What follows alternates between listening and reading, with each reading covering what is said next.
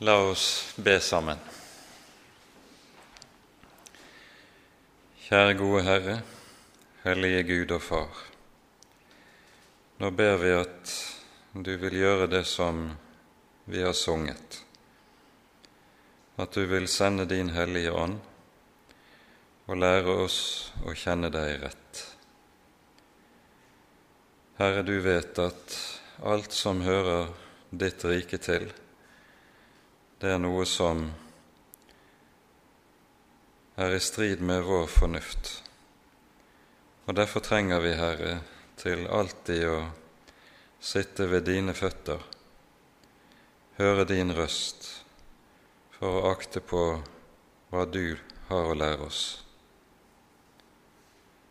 Takk, gode Herre, at du har gitt oss din egen sønn, at han er den rette lærer like som Han er vårt liv, og Han er vår rettferdighet. Kom, Herre du, og lær oss å kjenne deg. Amen.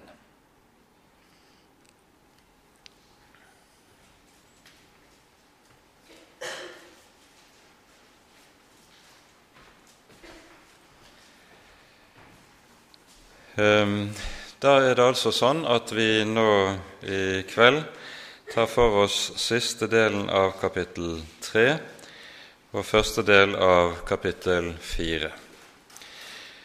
Ehm, før jul, siste timen før jul så var vi sammen om eh, hoveddelen av, i kapittel 3, fra vers 1 til 12, der eh, Jakob taler om eh, det som har med vår tale å gjøre. Hvordan vi bruker våre ord, og eh, hvordan dette er noe som har en langt mer vesentlig og sentral plass i våre liv enn vi kanskje er oppmerksom på og tenker over.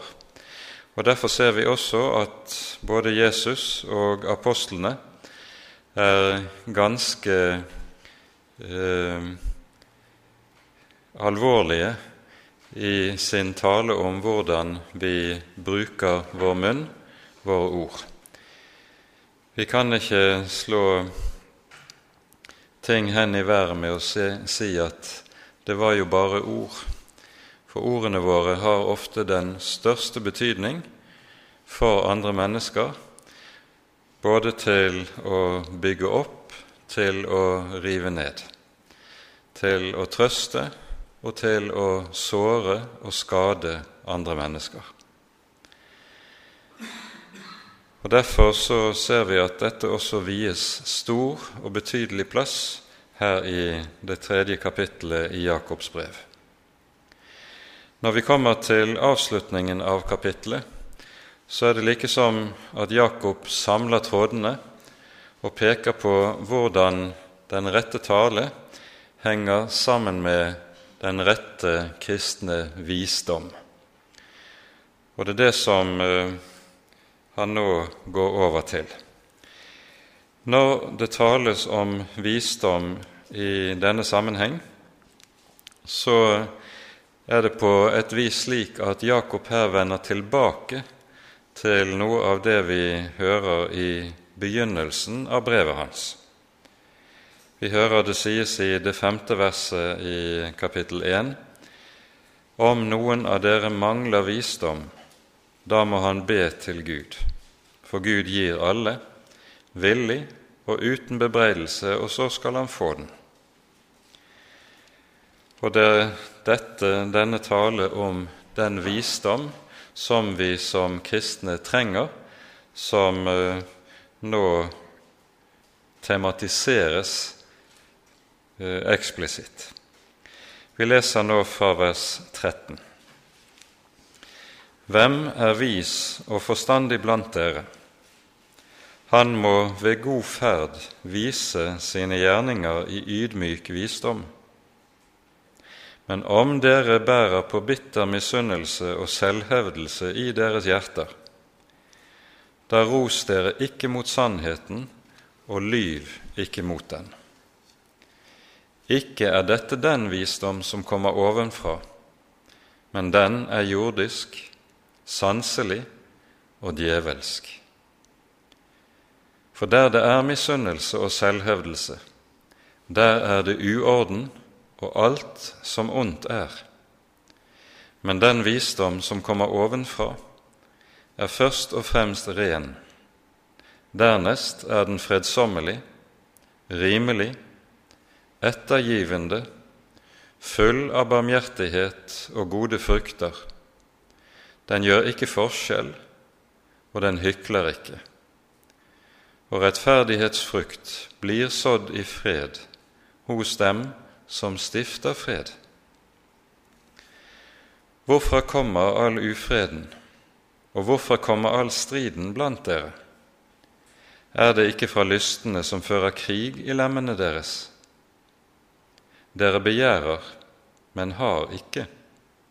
Dere slår i hjel og misunner og kan ikke få. Dere ligger i strid og ufred. Dere har ikke fordi dere ikke ber. Dere ber og får ikke, fordi dere ber ille, for å sløse det bort i deres lyster. Troløse som dere er, vet dere ikke at vennskap med verden er fiendskap mot Gud. Den som vil være verdens venn, blir Guds fiende. Eller mener dere det er tomme ord når Skriften sier med nidkjærhet trakter han etter den ånd han lot bo i oss. Men desto større er nåden han gir. Derfor sier Skriften, Gud står de stolte imot, men de ydmyke gir han nåde. Amen. Vi stanser der. Eh, for sammenhengen sin del har vi lest hele dette avsnittet. Det er ikke sikkert at vi rekker å gå igjennom det alt sammen. Temaet i disse versene det er altså visdom. I første Korinterbrevs første kapitler taler Paulus en del om den greske visdom. Han sier grekerne søker visdom i kapittel 1. Jødene krever tegn som like som et innbegrep av noe av det som preger den greske kulturkretsen. Men da er det viktig å være oppmerksom på at slik ordet 'visdom' brukes i Bibelen, så har det en ganske annerledes betydning enn det det har i gresk tenkning og den filosofi som vi finner i den greske kultur. I Grekenland så er visdommen de høytflyvende tanker, de tanker som borer i dybden, i tilværelsens utgrunnelighet på ulike felter. Og Det kalles filosofi. I Bibelen og i hebraisk tenkning der har visdomsbegrepet et helt annet innhold som er praktisk, meget praktisk rettet. Det er slik at en som er dyktig i sitt håndverk, han kalles for vis med Bibelens måte å bruke dette ord på. F.eks. vil en dyktig tømrer, en dyktig skomaker, en som gjør arbeidet sitt godt, han får betegnelsen 'vis' anvendt på seg etter den bibelske måten å bruke ordet på. Veldig typisk eksempel på dette finner vi i 2. Eh, Moseboks 35. og 36. kapittel.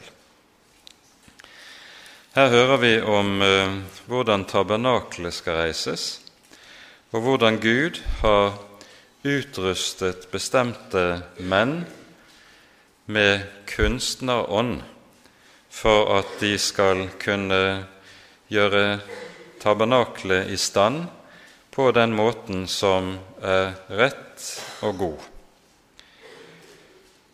Og så hører vi i vers 2 det står Moses kalte Betzalel og Oholiab og alle kunstforstandige menn som Herren hadde gitt kunstner gave. Alle som kjente at deres hjerte drev dem, dem kalte Moses til verket for å fullføre det.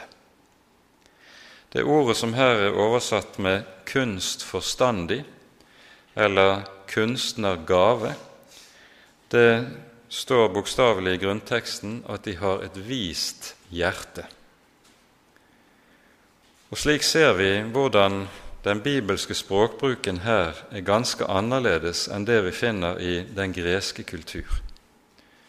I gresk kultur er visdomsbegrepet teoretisk først og fremst. I Bibelen og i hebraisk kultur så er visdomsbegrepet meget, meget praktisk. Og det sikter til dette at en gjør ting på rette måte, sånn at det blir til gagn for nesten. Det viser seg f.eks. i arbeiderens dyktighet. Den greske måten å tenke om visdom på, den innfører et skille mellom mennesker. Der det er sånn at du har en gruppe mennesker som da er særlig teoretisk begavet, de kan bli vise. Mens vanlige folk som driver med eh, praktisk arbeid, enten det er bonden som arbeider med jorden, eller det er håndverkeren som har sitt arbeid, som har vanskelig for å forstå filosofens dype og høye tanker, han eh, stiller liksom i annen klasse, for han kan ikke bli vis i den betydningen av ordet. Men i Bibelen er det altså slik at enhver som utfører sitt arbeid på rette og gode måte, sånn at det blir gagens arbeid til beste for nesten, han kalles vis. Og Slik ser vi at dette visdomsbegrepet det har vesentlig en praktisk betydning. Det er praktisk rettet i Bibelen. Det er derfor f.eks. ordspråksboken er slik som vi finner den i Det gamle testamentet. Det er en del av det som vi kaller for visdomslitteraturen i vår bibel. Og Denne visdomslitteratur den har altså ingenting av dette med seg som vi finner hos de dyptpløyende greske filosofer. Tvert om, det er meget praktisk rettet mot menneskets liv og gjøren og laden i sin hverdag. Og det er det visdommen sikter mot, og det er slik også Jakob bruker dette begrepet, i, som vi her finner det. Og så stiller han altså spørsmålet hvem er vis og forstandig iblant dere? Han må ved god ferd vise sine gjerninger i ydmyk visdom. På ny, vi ser andre delen av verset, nettopp sikta mot det klart enkle og praktiske. Han må ved god ferd vise det. Det er nettopp hvordan en lever i den praktiske hverdag, som avslører om det er tale om visdom i ordets bibelske betydning eller ei. Ehm, vi finner her to ord som er anvendt. Det ene er ordet 'vis', visdomsordet. Og så har du det andre ordet 'forstandig'. Det er et ord som eh, med sin gammeltestamentlige bakgrunn eh, drar i retning av det å ha dømmekraft, evne til å se forskjell på godt og ondt, det å vurdere situasjoner, vurdere ulike livsforhold og vansker på rette måten. Det er det som ligger i det gammeltestamentlige ordet for forstand og eh, vi ser altså at dømmekraftsbegrepet her er inne i bildet. Og kanskje vi da i denne sammenheng skulle minne om dette som vi har vært inne på tidligere, når vi har talt nettopp om dømmekraft. Filippabrevet i kapittel 1 så hører vi at Paulus nettopp ber om dette når han ber for menighetene.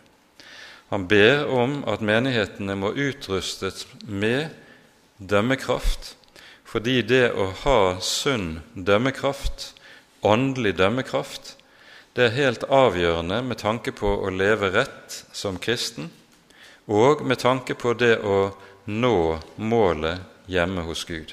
I Filippane 1, 9 og 10 leser vi slik.: Dette ber jeg om, at deres kjærlighet må bli mer og mer rik på kunnskap og all innsikt, slik at dere kan dømme om hva som er rett i de forskjellige spørsmål, for at dere kan stå rene og uten anstøt på Kristi dag. Denne åndelige dømmekraft har vi talt en del om tidligere, og vi skal ikke gå mye inn på det i dag, men jeg bare understreker i denne sammenheng at ordet som oversatt med 'forstandig' det har noe av dette liggende som en grunnleggende del av betydningen.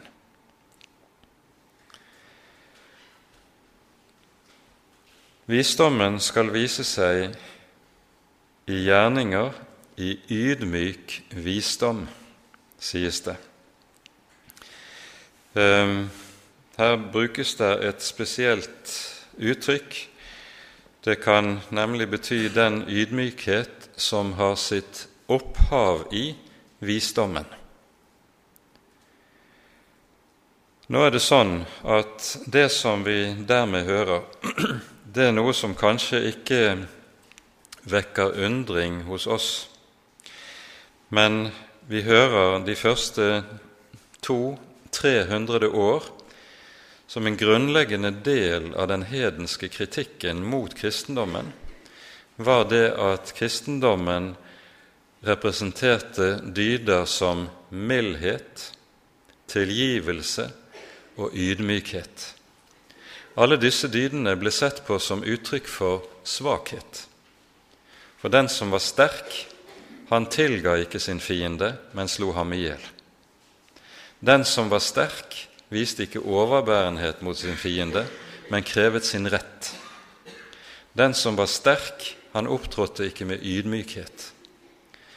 Så de kristne ble betraktet som sveklinger med å representere slike verdier og hevde at det var Åndens frukt. Og eh, ofte kan vi høre hedningenes kritikk gå ut på at de kristne er svake kvinnfolk, for dette er kvinnelige verdier, hevdet de. Ydmykheten som det her er tale om, det er jo noe som det er et ord som Jesus også anvender om seg selv. Lær av meg, sier Jesus i Matteus 11, for jeg er saktmodig og ydmyk av hjerte. Så skal dere finne hvile for deres sjeler.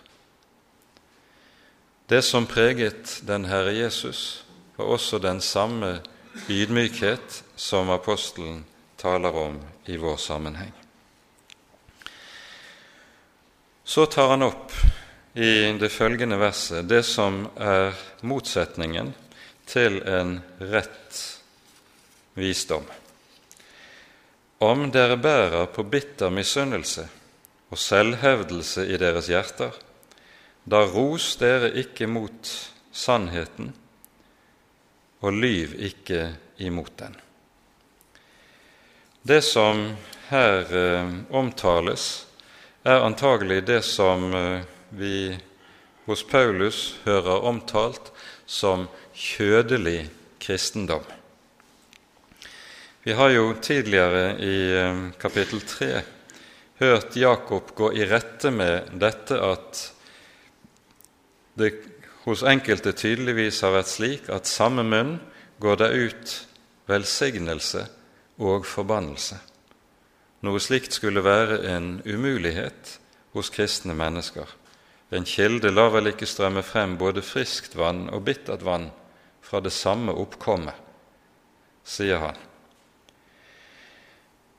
Det som kjennetegner den kjødelige visdom, det er nettopp misunnelse og selvhevdelse. Og Paulus er altså inne på dette i første Korinterbrev i det tredje kapittel. Og jeg tror vi skal lese de tre første versene i eh, første Korinterbrev, kapittel tre. Det som er sammenhengen her, det er at Paulus tar opp den splid som tydelig har fantes i korintermenigheten, en splid som helt klart har kjødelige årsaker. Det er to typer splid i den kristne menighet. Den ene typen splid det er den splid som kommer av vranglære. Vil si at det kommer noen og fremfører tale, lære, undervisning som er i strid med Guds ord. Slike lærere skal avvises av menigheten, og den kristne menighet skal aldri inngå i noen enhet med dem som lærer i strid med Guds ord. Da er splid eller splittelse eller skille noe som er påbudt av Gud. For det er ikke enhet mellom sannhet og løgn. Men så har du den typen splid som nettopp kommer av egoisme, selvhevdelse, trettekjærhet, som eh, det, dette ordet for selvhevdelse er blitt oversatt med i de eldre oversettelsene. Og Det er tydelig at det er den slags som har gjort seg gjeldende i Korint. Vi hører Paulus skrive følgende.: jeg, brødre, kunne ikke tale til dere som til åndelige, men bare som til kjødelige, som til småbarn i Kristus. Melk ga jeg dere å drikke, ikke fast føde, for dere tålte det ennå ikke, heller ikke nå tåler dere det. For dere er ennå kjødelige.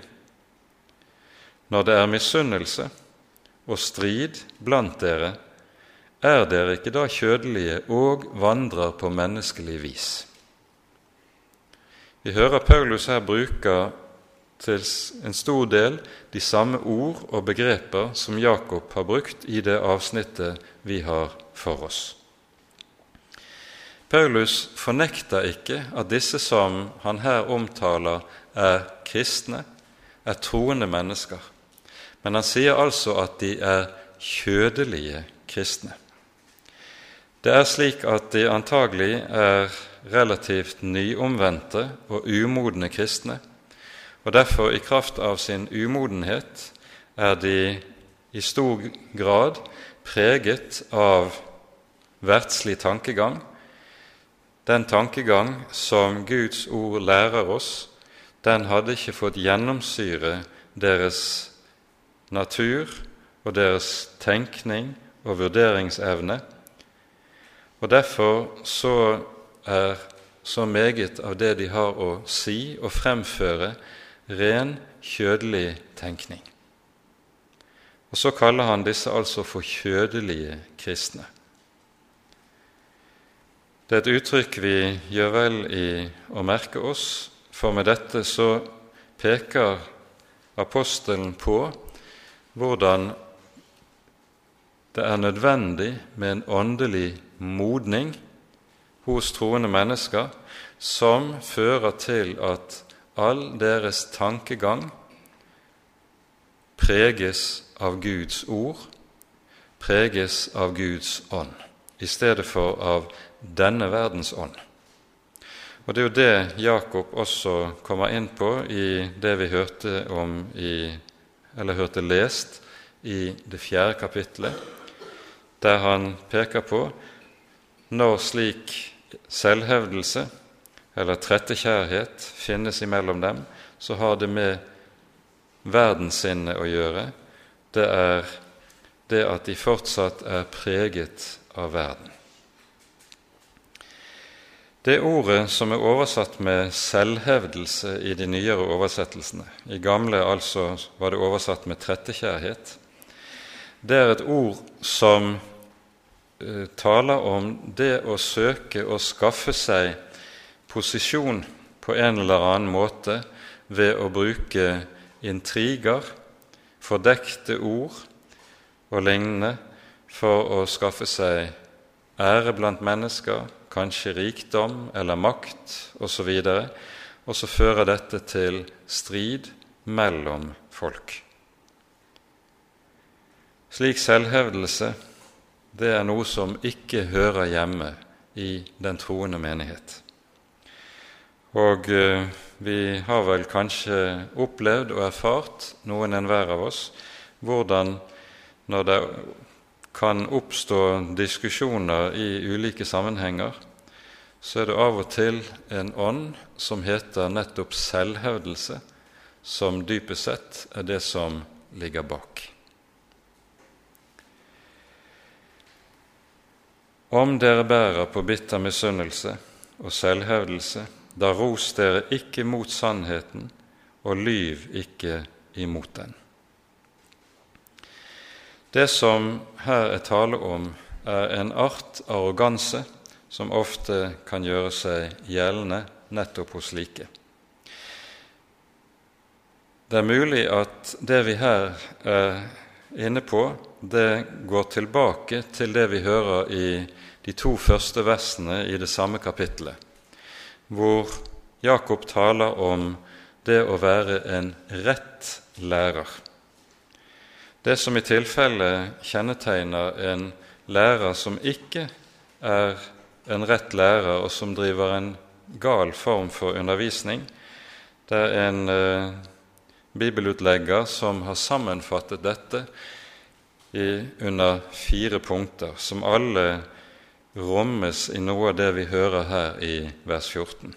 Det er Bakli som skriver at en Urett form for undervisning er for det første preget av fanatisme, for det andre av bitterhet, dvs. Si at en ser på den det gjelder, ser på enhver eh, skepsis til det som uttrykkes, som uttrykk for fiendskap. En gjør det, disse da til personlige fiender. Den er selvhevdende det vil si at den søker å skaffe seg tilhengere for sin egen personlige del, i stedet for at den sikter mot å skape etterfølgere av Herren Jesus. Og for det fjerde er det arroganse.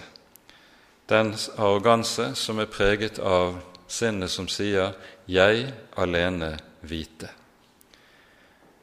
Hvis det er lærere Jakob taler om i denne sammenheng, så er dette meget treffende beskrivelse av den art undervisning. Nå er det jo sånn at i Det nye testamentet så advares de troende mot stridbarhet og stridigheter og tvedrakt i menighetene. Det er bare én art, splid, som er pålagt av Gud, og det er det som vi allerede har vært inne på, det som skjer for Guds ords skyld. Kommer det andre typer splid, så er det nødvendig å bekjempe dette på samme måten som vi bekjemper synd i eget liv. Og Dette er noe som er viktig å være oppmerksom på. Vi understreker også i denne sammenheng det som når Jakob her henter frem sann, ordet sannhet. I 1. Johannes brev så hører vi Johannes anvende et særegent uttrykk som virker unaturlig i vår språkbruk. I kapittel 1 i vers 6 sies det slik:" dersom vi sier at vi har samfunn med ham, men vandrer i mørket, da lyver vi og gjør ikke sannheten. Legg merke til det uttrykket. Johannes sier ikke at da lyver vi og taler ikke sannhet. Det ville være naturlig ut fra vår måte å tenke på. Men det sier han ikke. Han sier vi gjør ikke sannheten. Og Tankegangen i dette er at visdomsbegrepet hadde, det har det med seg at det er en uløselig, uoppløselig sammenheng mellom liv og lære. De to tingene kan ikke skilles ad. Og der de skilles ad, der er det nettopp tegn på mangel på visdom.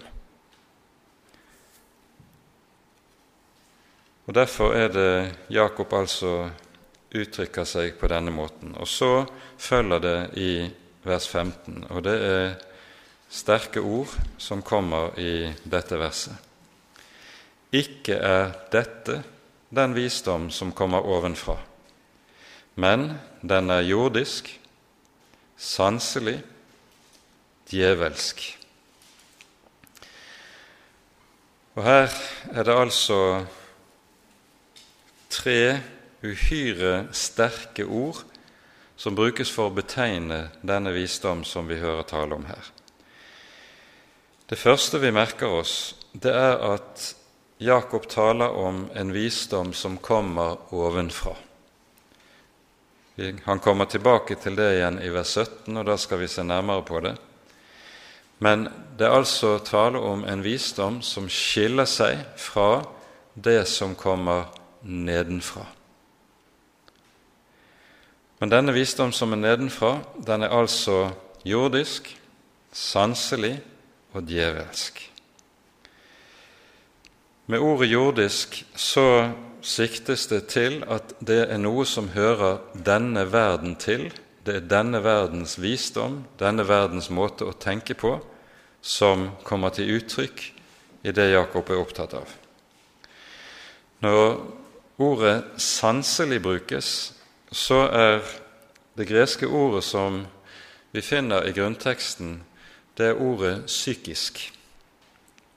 Den er, det er en visdom som er psykisk. Og Dette ordet brukes på en særlig måte innenfor jødedommen. Man kjenner til det fra rabbinernes skriftutleggelse. De knytter dette ordet til Eh, det vi hører i Første Mosebok kapittel 2 i forbindelse med skapelsen av Adam. Der står det at Gud blåste livets ånde inn i Adam som var formet av jordens muld, og så sies det Adam ble til en levende sjel. Og da er ordet 'levende sjel' det er nettopp ordet 'syke' som brukes. Poenget er da, slik rabbinerne tenker når de bruker dette ordet, det er at det som er psykisk, det beskriver det som stammer fra Adam og er kjennetegnet av Adams synd. Når det i våre oversettelser oversettes med 'sanselig', så er det en ikke unaturlig oversettelse, men den bibelske sammenhengen er altså tilbake til dette. Det er Adams sinne, det falne menneskets natur, som gjør seg gjeldende i dette. Og så til sist brukes ordet djevelsk. Diabolsk er ordet i grunnteksten. Og sånn som dette ordet rent grammatisk eh, forekommer her, så kan det bety to ting. Det kan enten bety noe som er lik demonene, eller preget av demonene, eller for det andre det kan bety noe som er fullt av demoni. Og begge betydningene ligger egentlig i begrepet sånn som det anvendes i denne sammenheng. Og da, behøver, da er bibelteksten slik at vi ikke behøver å velge mellom disse to betydningene. Vi ser med det Jakob slik skriver, at når han anvender så tunge og alvorlige ord for å betegne og karakterisere det som eh, vi har hørt om i de foregående vers, så er dette noe som man ser på med det største alvor. Trettesyke i menighetene det er ikke noe, noe som eh, bare er uskyldige diskusjoner, men det er noe som tvert om kan være uttrykk for den ånd som vi hører om her i vers 15. Og så føyes det til i vers 16.: For der det er misunnelse og selvhevdelse, der er det uorden og alt som ondt er. Han bruker om igjen ordene som vi hørte i vers 14, misunnelse og selvhevdelse. Og så hører vi ordet uorden anvendes. Det er et ord som eh, ikke er så helt enkelt å oversette. Vi hører i 1. Korinterbrevs 14. kapittel at Paulus der, når han taler om hvordan øh, menighetens gudstjeneste skal foregå på ordentlig vis, så sier han bl.a.: Gud er ikke uordens Gud, men freds Gud. Der eh, dette sinnet som Jakob taler om her, kommer inn, der fører det til uorden i menighetene. Og det taler om en uorden som kan bli så radikal at enkelte bibeloversettelser har valgt å oversette begrepet som vi her har for oss, med ordet anarki. Og da er det alvor. Det bildet som ligger bak, det er eh, at vi i Det nye testamentet flere steder ser at når apostlene taler om den kristne menighet, så sammenlignes det med en tempelbygning. Stein føyes på stein, og så blir menigheten et hellig tempel for Herren. Og vi vet der en bygning bygges, bygges opp på skikkelig vis, der er det orden og rede på alle ting. Uorden er det når det blir en steinrøys. Og det er jo nettopp forskjellen på en menighet hvor på den ene side Kristi sinn for rådet, og på den andre side hvor selvhevdelse og misunnelse, som det tales om her, får råde. I Kolosserbrevet hører vi Paulus roser menigheten for den gode orden som er i menigheten.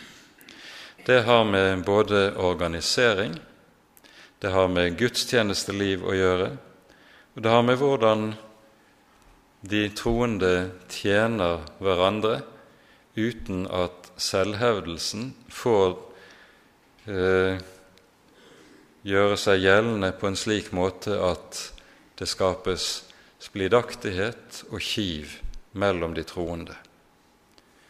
I Kolossene 2 det er det vel verd å legge merke til eh, hvor høyt apostelen Paulus verdsetter den gode orden i menigheten.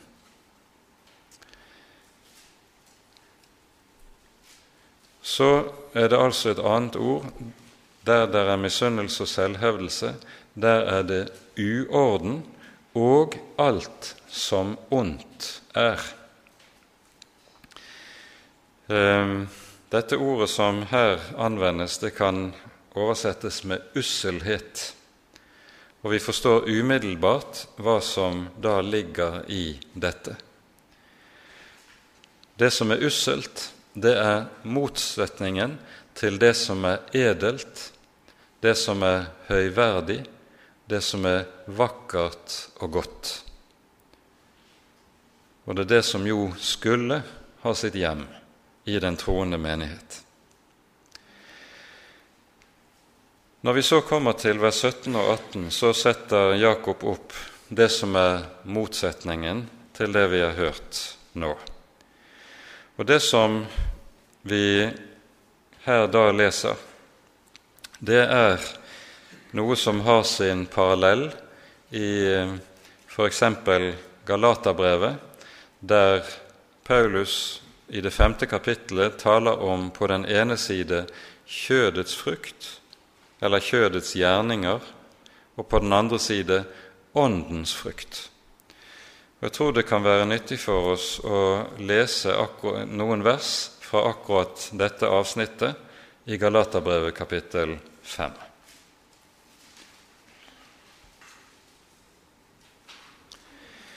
Først hører vi fra vers 19 kjødets gjerninger beskrives. Kjødets gjerninger er åpenbare.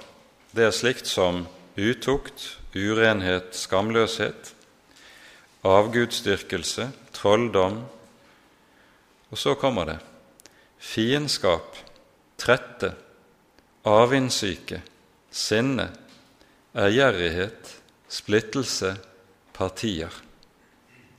Her ser vi altså at Paulus i denne listen nettopp tar frem noe av det samme som Jakob taler om i avsnittet som vi har for oss i kveld. Og Så har du motsetningen da fra vers 22. Men åndens frukt, det er kjærlighet, glede, fred, langmodighet, mildhet, godhet, trofasthet, ydmykhet og avholdenhet. Mot slike er loven ikke.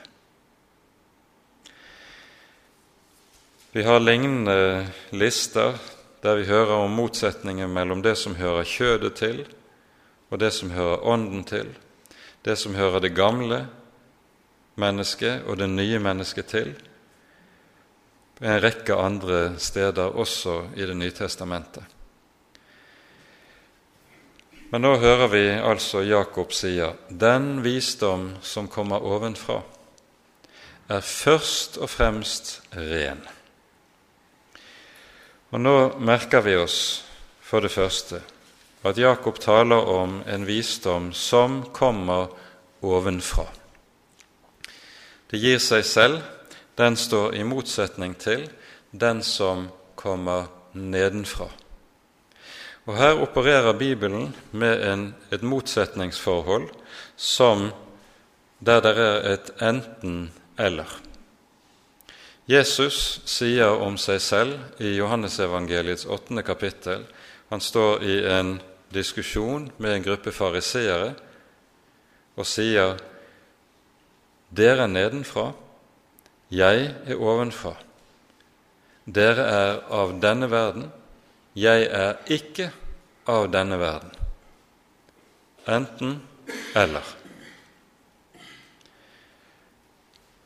Og så hører vi at Jesus også, når vi kommer til den eh, ypperste prestlige bønn i Johannesevangeliets 17. kapittel, så taler han om disiplene sine og sier om dem de er ikke av verden, like som jeg ikke er av verden.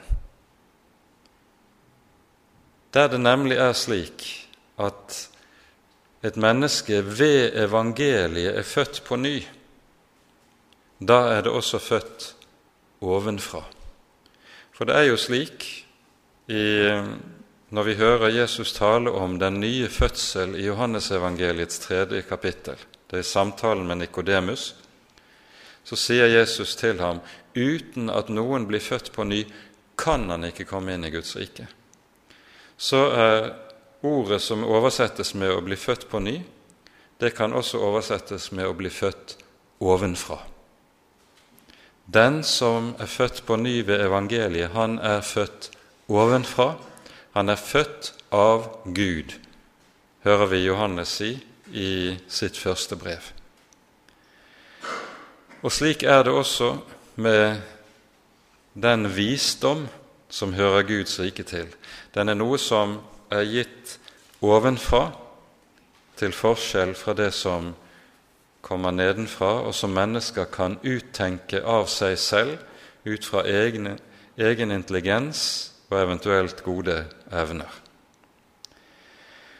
Det det henger sammen med her, det er et løfte vi hører hos profeten Jesaja i det 54. kapittel, der det loves når den nye tid kommer med Messias, så loves det at de skal alle være lært av Gud. De skal alle være lært av Gud. Og så henter Jesus dette ordet frem i Johannesevangeliets sjette kapittel og sier:" Vær den som hører av Faderen og lærer, han kommer til meg.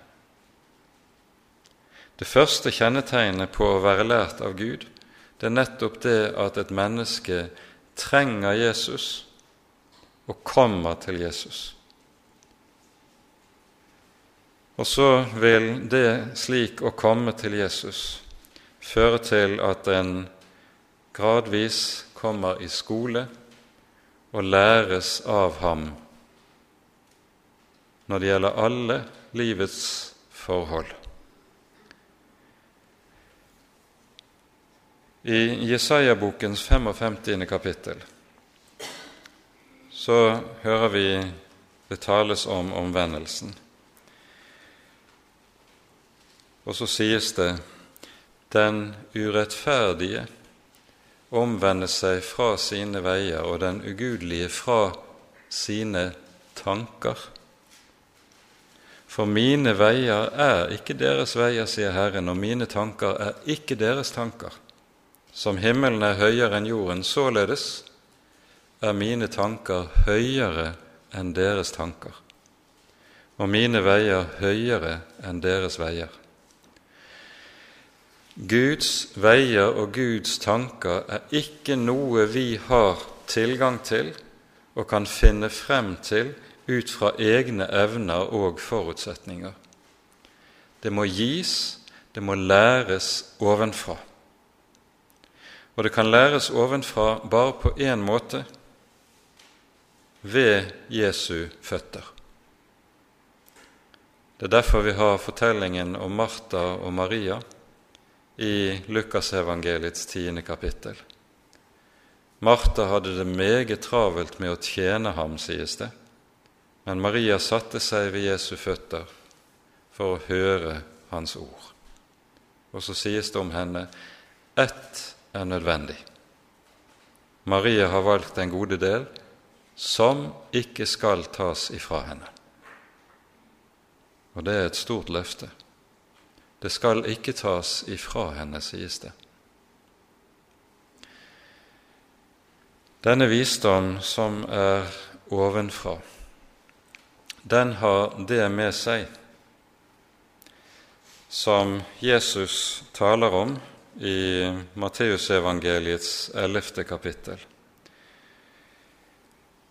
Vi hører han si i vers 25 i Matteus 11 følgende. Jesus tok til orde på denne tid og sa:" Jeg priser deg, Fader, himmelens og jordens Herre, fordi du har skjult dette for vise og forstandige, men åpenbarte for umyndige.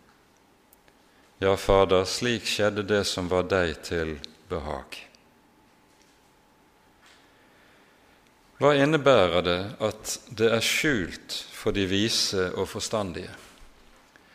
Her er det tale nettopp om den selvklokhet som har det med seg at en ikke trenger å lytte til Han som er Herre og Gud, fordi en selv mener å vite veien, selv mener å vite det som trengs å vite, og derfor ikke vil sitte der Maria satt. Selvklokhet er den største hindring for Herren og for å lære den visdom som er ovenfra. Og Derfor sier Paulus, som er inne på dette i eh, det tredje kapittelet i første Korinterbrev, som vi allerede har vært innom,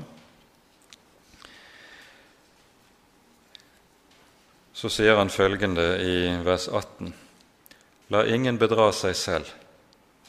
Hvis noen av dere regner seg for å være vise i denne verden, la ham da bli en dåre, for at han kan bli vis. Denne verdens visdom må legges bort. Så må jeg stå for Han som er Herre, med lukket munn, som den som er fattig og liten, og bare har ett å gjøre. Tal, Herre, du, din tjener hører. Da begynner man å lære den visdom som er ovenfra.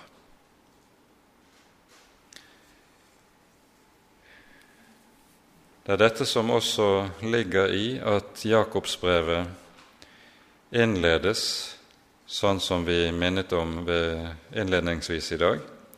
Dersom noen av dere mangler visdom, han be. For dette er noe som bare kan gis ovenfra gjennom den stadige lytten til Herrens ord den stadige stillhet innenfor Guds ord. Og så er Jakob inne på nødvendigheten av slik stillhet også i det første kapittelet som vi har vært inne på, når han sier hvert menneske være snar til å høre og sen til å tale.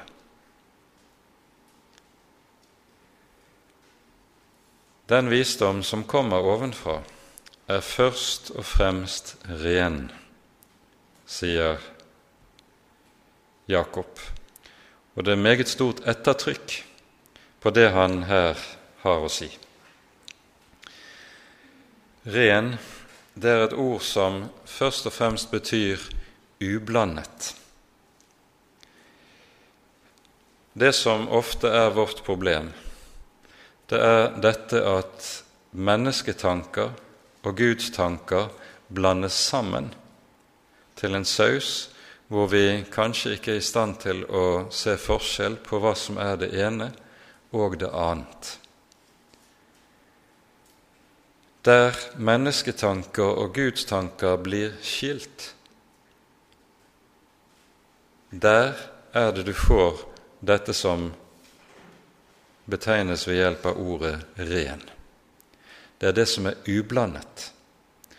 Det er det som ikke er blandet opp med noe som er fremmed, noe som kommer nedenfra. Den visdom som kommer ovenfra, er først og fremst ren. Det er tale om det udelte, det som ikke er tvesinnet i denne sammenheng. Dernest er den fredsommelig. Og vi hører ordet 'fred' anvendes tre ganger her i vers 17 og 18. I det det er slik at ordet 'fred' er et av de fremste og viktigste begrepene som Bibelen har for å betegne Herren og det som kommer fra Herren. Det er ordet 'shalom'. Og Ordet 'shalom' betyr ikke bare fred i meningen av opphør av strid, men ordet fred betyr den fullkomne himmelske harmoni som er i Gud selv, og som Han skjenker der Han gjør et menneske rettferdig ved troen og føder ham på ny. Freden ovenfra er noe av det som er det fremste kjennetegnet på Han som er Herre, og alt som hører ham til. Så hører vi at der nevnes ordet 'rimelig'. Det ordet som er oversatt slik, det kan ha flere ulike nyanser. I alle fall står det i motsetning til det som vi av og til kaller for retthaveri. Du mener det å være overbevist om å ha rett, og så skal du tvinge din rett igjennom. Da blir det til retthaveri. Og retthaveri kan være en særdeles ubehagelig egenskap eh, i omgang med andre mennesker. Det ordet som anvendes her, det er et ord som eh, taler om det vi kan lese ikke minst i første Peters brev, der det, vi hører om det at når en troende utsettes for urett, så skal han øve seg i å tåle dette. Å tåle urett for Jesus skyld. Og det er dette sinnet som slik øver seg i å tåle urett. Det er det som uh, ligger i ordet 'rimelig' som uh, oversettelsen her, og vi skjønner det antagelig ikke en helt heldig, oversettelse. Det neste ordet, 'ettergivende', det er et ord som bokstavelig sikter mot det å være, uh, stå under kommando slik at en adlyder den som er ens herre. Det er altså det lydige sinn som bøyer seg for Guds ord, som eh, betegnes ved hjelp av dette ordet. Og så kommer det neste full av barmhjertighet. Ordet for barmhjertighet som anvendes her, det er det som anvendes i gudstjenesteliturgien når vi synger Kyrie eleison, Herre, forbarm deg over oss. Det er det samme begrepet som ligger her, og tankegangen i dette er jo at slik Herren har vært barmhjertig mot meg, slik skal det samme sinn gjøre seg gjeldende også overfor min neste full av barmhjertighet og gode frukter. Den gjør ikke forskjell, kommer det så i neste ledd. Ehm, det som det her er tale om, det er motsetningen til partiskhet eller partisinn. Eller det at en gjør forskjell på folk ut fra ulike hensyn og vi husker at Jakob har jo tidligere i brevet vært inne på nettopp hvilken fare det kan være for oss som troende å gjøre forskjell på folk. Vi tar større hensyn til slike som har betydning på en eller annen måte her i verden, som Jakob er inne på, mens den fattige og den som like som ikke er noe her i verden, han får også merke at han er liten i menighetens sammenheng. Slik skal det ikke være. Det er det sinn som ikke gjør forskjell på folk, som det sikter på i denne sammenheng. Og så til slutt den hykler ikke.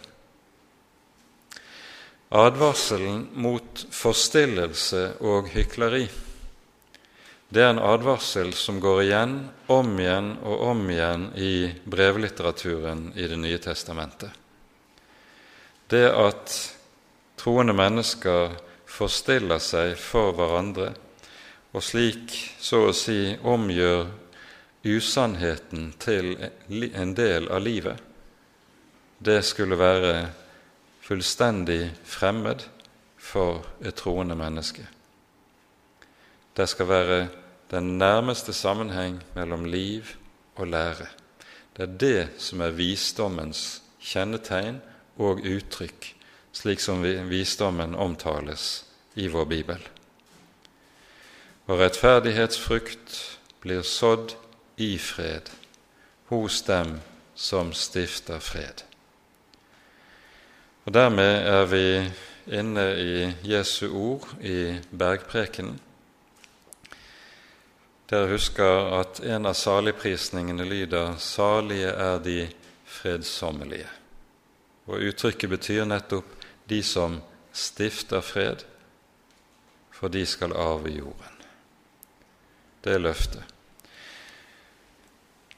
Vi rekker ikke å gå videre i kveld. Det blir med disse versene som konkret taler om forskjellen mellom den jordiske og menneskelige visdom på den ene siden, og den på den annen side den visdom som kommer ovenfra, og som er av Gud. Til slutt da kan vi kanskje få lov til å bare peke på og notere oss hvor mange salmer der er i vår salmebok som nettopp er bønnesalmer, der vi ber Gud sende sin Hellige Ånd for å lære oss. Lære oss sine veier, lære oss sine tanker, åpenbare for oss sine ord, slik at vi kan lære det som bare kan gis ovenfra.